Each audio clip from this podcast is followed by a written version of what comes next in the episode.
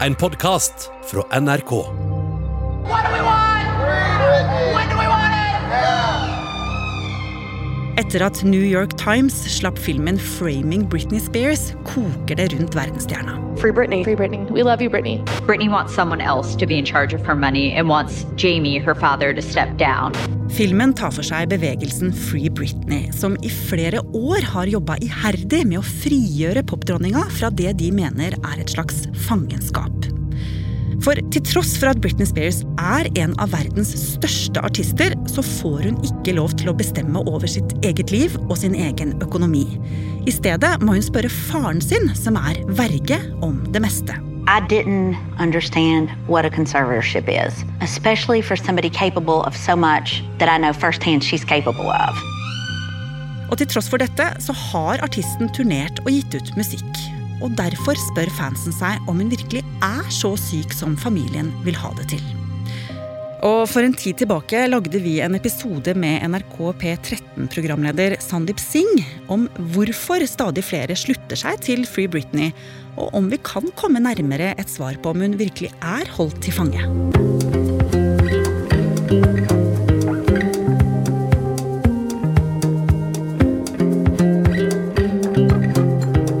Du hører på Oppdatert.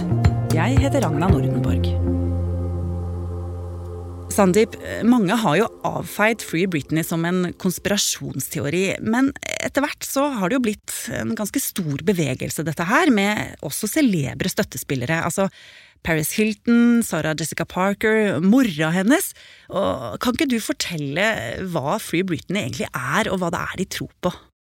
De er jo en gjeng med ivrige fans eh, som man kan eh, titte på via å gå inn i hashtaggen Free Britney.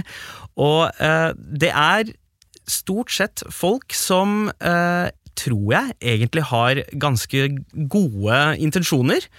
Fordi det de muligens ser, er en person som trenger hjelp, og er fanget av et system som hun vil ut av. Og de ser etter tegn på at hun trenger hjelpen deres. eh, som i at det var, en, det var en bruker som kommenterte nå i juni eh, at eh, hvis du trenger hjelp, ha på deg en gul skjorte i neste video. Og så i neste video hun posta, så hadde hun på seg en gul skjorte. Det, altså Det er et eller annet her. Ja, og hun kommenterer til og med i kommentarfeltet bare 'Dette er min favoritt gule skjorte i store bokstaver'. Det er et eller annet der, er det ikke det? Ja, det er det vi skal forsøke å finne ut av, da. Mm. Kan ikke du fortelle hva som er årsaken til at eh, dette fenomenet Free Britney har oppstått?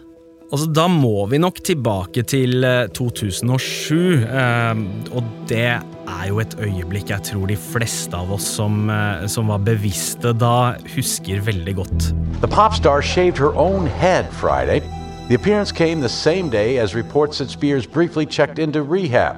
Her manager could not be reached for comment. Eh, Det var alle disse bildene av Britney Spears som dukket opp uten hår.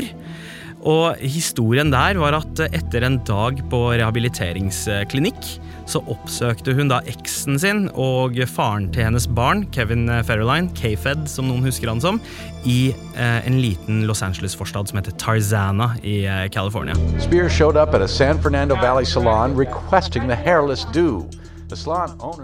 Hun gikk til en eh, helt tilfeldig frisørsalong i byen, eh, krevde å få eh, håret sitt helt barbert av. Frisøren, Esther Tagnossi, hun har snakket om dette her i etterkant og sagt at hun prøvde å snakke Britney ut av det her, ved å si at ja, vi har alle hormoner og sånt, og så kommer du kanskje til å angre på dette her i morgen, men før hun fikk fullført setningen, så hadde Britney Spears allerede tatt barbermaskinen og begynt å barbere eh, skallen sin. Og hun var da omringet av eh, eh, livvaktene sine og en haug med paparazzi-fotografer som da klarte å forevige dette sammenbruddet her, som, som alle vi så på, både med popkorn og skjeven hengende ned på brystet. Hun gliser mens hun skeiver av seg det for anledningen lange, brune håret sitt. Det er nesten litt sånn ut av en skrekkfilm. altså. Og hvordan reagerte verden på disse bildene? hun ble jo latterliggjort. Eh, dette var jo en tid eh, lenge før det var eh, ok å snakke om mental helse. Og i likhet med andre kjendiser som har hatt sammenbrudd, så ble det gjenstand for komedie, mer enn at man tenkte at dette her var et rop om hjelp. yeah, well, you know, she's been a blonde, she's been a brunette. Why not try the uh, bald look? Yeah. Så noen dager etter så ble hun jo eh, eh, fotografert nok en gang, der hun angrep en eh, eh fotograf, paparazzi-fotograf med en paraply. Eh, også ganske ikoniske bilder. Guys, please, please, guys.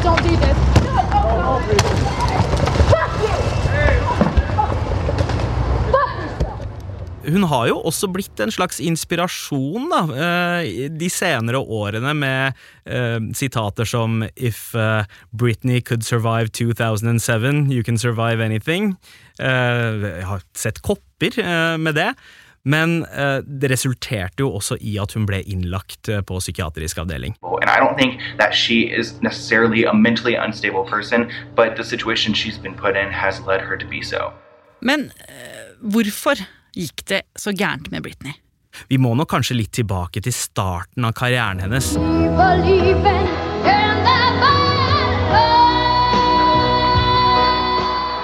Hun var elleve år gammel da hun fikk seg jobb i noe som het eh, The Mickey Mouse Club, sammen med andre store navn som eh, Justin Timberlake, Ryan Gosling, Kerry Russell og ikke minst Christina Aguilera og eh, jobbet med det frem til programmet ble kansellert i 96. Og i fire år, fra hun var 11 til 15, ett kjør med det programmet, så hadde hun et lite friår eh, for, å, eh, for, å, leve livet som normalt igjen, før det begynte igjen da hun skulle lanseres som en popartist. Og dette var også i en tid da man hadde mistet troen på popartister, fordi alle skulle være boybands eller girlbands. Det var Spice Girls, det var NSYNC, det var Backstreet Boys. Ingen trodde at denne lille jenta her skulle klare seg. Men det gjorde hun med denne låta her, 'Baby One More Time'. For en låt! Og den, uh, dette her var jo et samarbeid med uh, det svenske studioet Chiron, altså Dennis Pop og Max Martin, ikke minst, som klarte å, uh, plassere henne i et sånn tenåringspop-greie, selv om det ikke var helt det hun ville sjæl.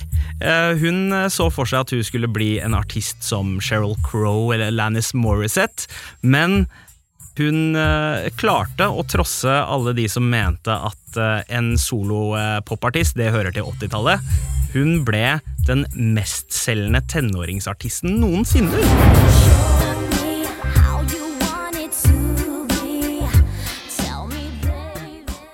Og hva var det som var så genialt?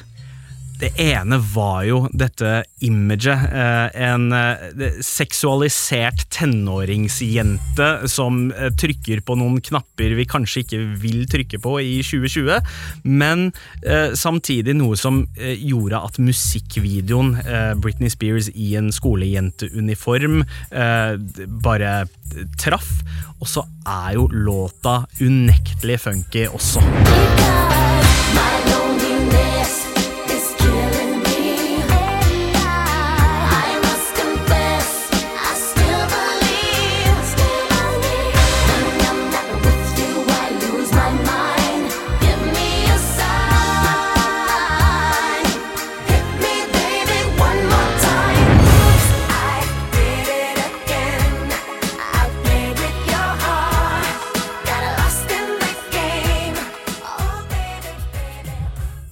Hun får jo ikke bare én hit, altså det dundrer jo på med hiter, og hun blir verdens største artist. Men det kommer jo med en kostnad. Hele verden har jo blikket på henne. Hun er eh, på det tidspunktet, og kanskje vår generasjon, oss eh, millennials, holdt jeg på å si, eh, vår, vårt største popfenomen. Ikke bare det, men hun ble også sammen med det andre største popfenomenet, som var Justin Timberlake, og de var tidenes uh, power couple i popen. Deres forhold uh, gikk ad undas. Og det var jo kanskje et av de mest offentlige bruddene, eh, i hvert fall tidlig på 2000-tallet, av kjendisbruddene. Og da begynte også musikken hennes å ta en mer personlig form. Hun begynte å eksponere følelsene sine, fordi låtene hennes før bruddet var stort sett skrevet av andre. Etter bruddet var første gang vi ble kjent med Britney, da hun slapp låta Everytime. Første låtskriverkreditten hun har hatt sjøl. This next song I'm gonna sing is a song that I wrote two years ago um, in Germany. It's the first song that I've ever written. It's a ballad, and I hope you guys like it. Som handler om bruddet med Justin Timberlake. Og da begynte fasaden rundt Britney å falle litt. Man følte at nå blir man kjent med personen bak dette popproduktet. At night I pray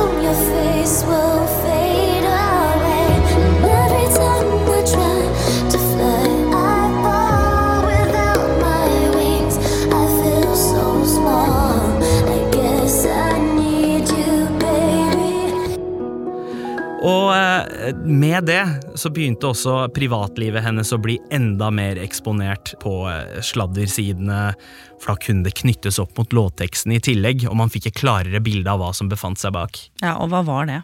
Det var eh, en eh, jente som hadde veldig lyst til å ha kontroll over sitt eget liv. Hun covret Bobby Brown med My Prerogative, eh, og det tror jeg ikke var helt tilfeldig. Everybody's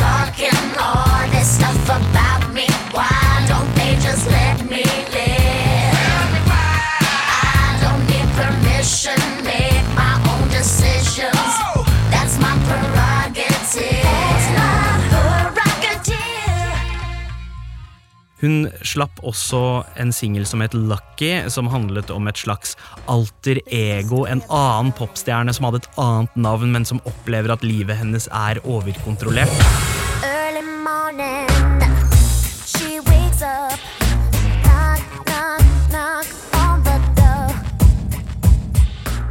Så, så hun dannet et slags bilde av at jeg har behov for kontroll over mitt eget liv.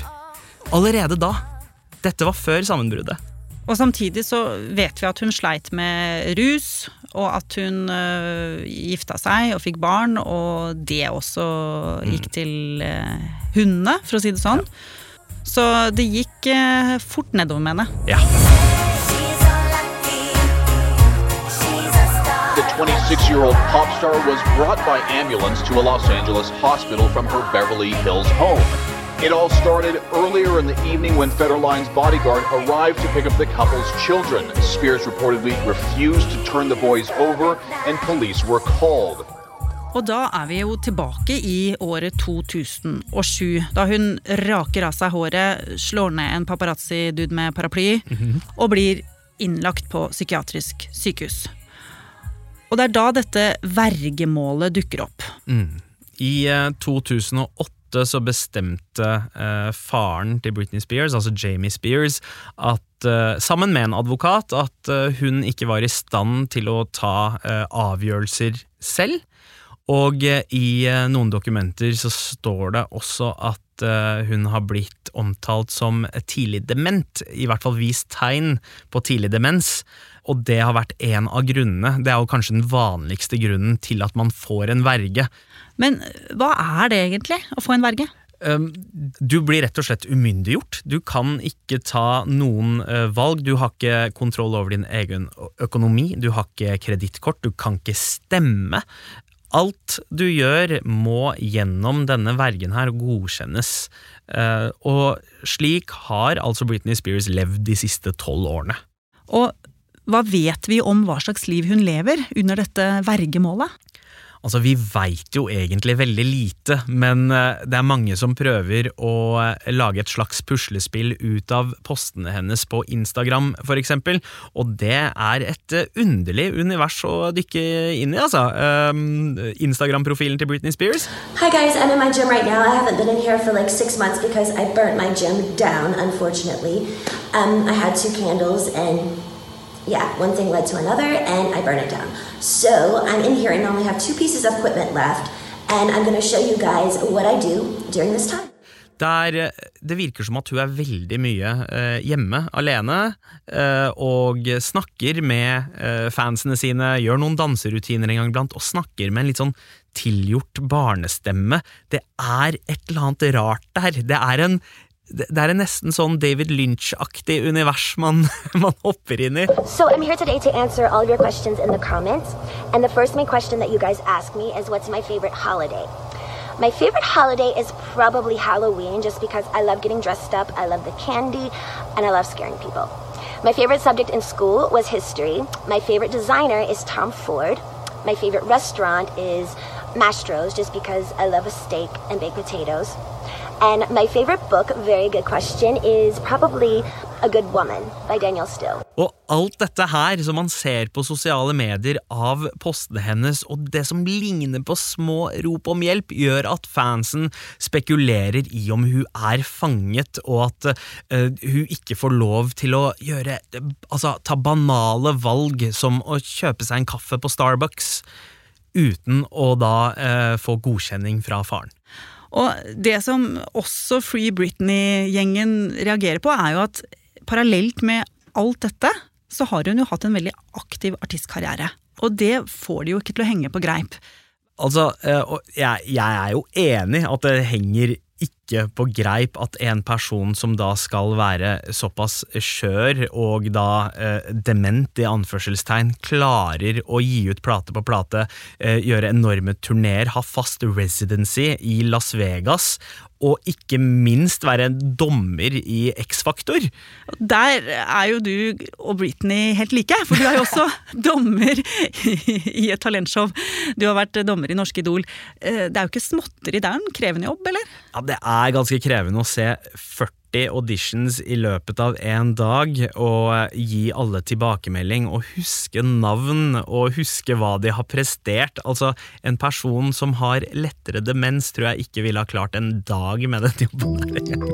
If you guys don't know, the hashtag Free Britney movement, it's been going on for some time now, and it revolves around Britney Spears' conservatorship. After all she's been through, leave her alone. Leave Britney alone. This is Rose McGowan saying, Free Britney. It's time she gets to be free and live her life on her terms. Så bare for å oppsummere. Free Britney de leter etter tegn som avslører at hun er eh, fanget av faren sin. Men hva er det i så fall farens motiv skal være? Er det ikke alltid penger? Man ser det jo, det er jo en kjent eh, trope med den der diktatoriske barnestjernepappaen. Eh, Joe Jackson, faren til Michael Jackson. eh, Chris Colkin, pappaen til Macaulay Colkin. Eller Amy Winehouse sin far. Det er jo penger som er motivet. Man skal misbruke sitt eget barn for egen vinning. Men eh, faren mener jo selvsagt ikke det. Han eh, gjør jo eh, det som er til datterens eget beste, eh, og har vel eh, også sagt at alle disse konspirasjonsteoretikerne veit jo ingenting. Verden har ikke peiling. Det er opp til retten i California å bestemme hva som er best for dattera mi. Det er ingen andre sak, forteller han. Og dette kunne jo på en måte fansen ha kjøpt. Eh, hadde det ikke vært for at hun nå har vært i retten og søkt om å avslutte vergemålet. Popstar Britney Spears' parents faced off in court as they fight over conservatorship of their daughter. Og dette skjedde 20. august. Hva var det Britney ba om?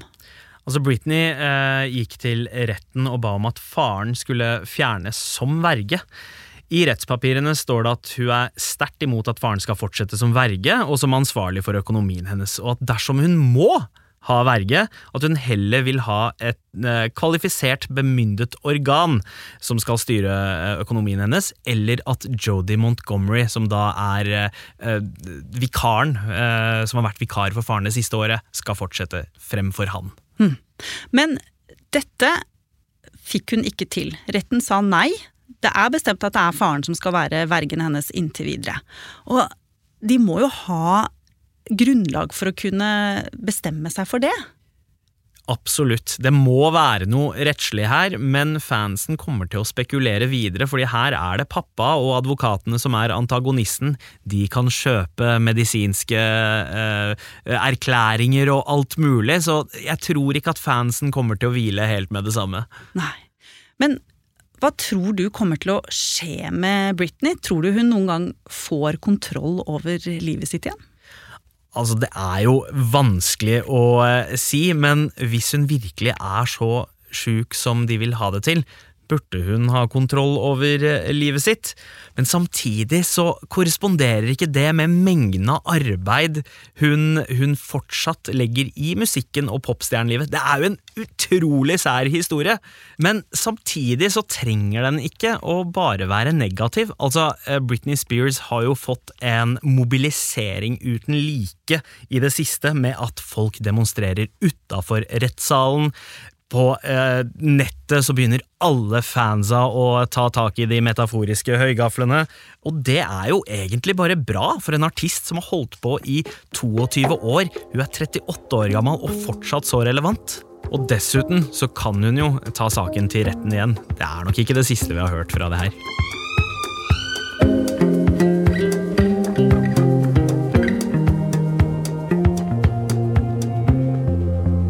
Oppdatert er en podkast fra NRK Nyheter. Og hvis du ikke vil gå glipp av neste episode, så kan du abonnere i appen NRK Radio. Bare søk på Oppdatert, så finner du oss. Denne episoden var laget av Katrine Nybø, Petter Sommer og meg, Ragna Nordenborg. Vil du kontakte oss, gjør det på oppdatert krøllalfa nrk.no. Du har hørt en podkast fra NRK. Hør flere podkaster og din favorittkanal i appen NRK Radio.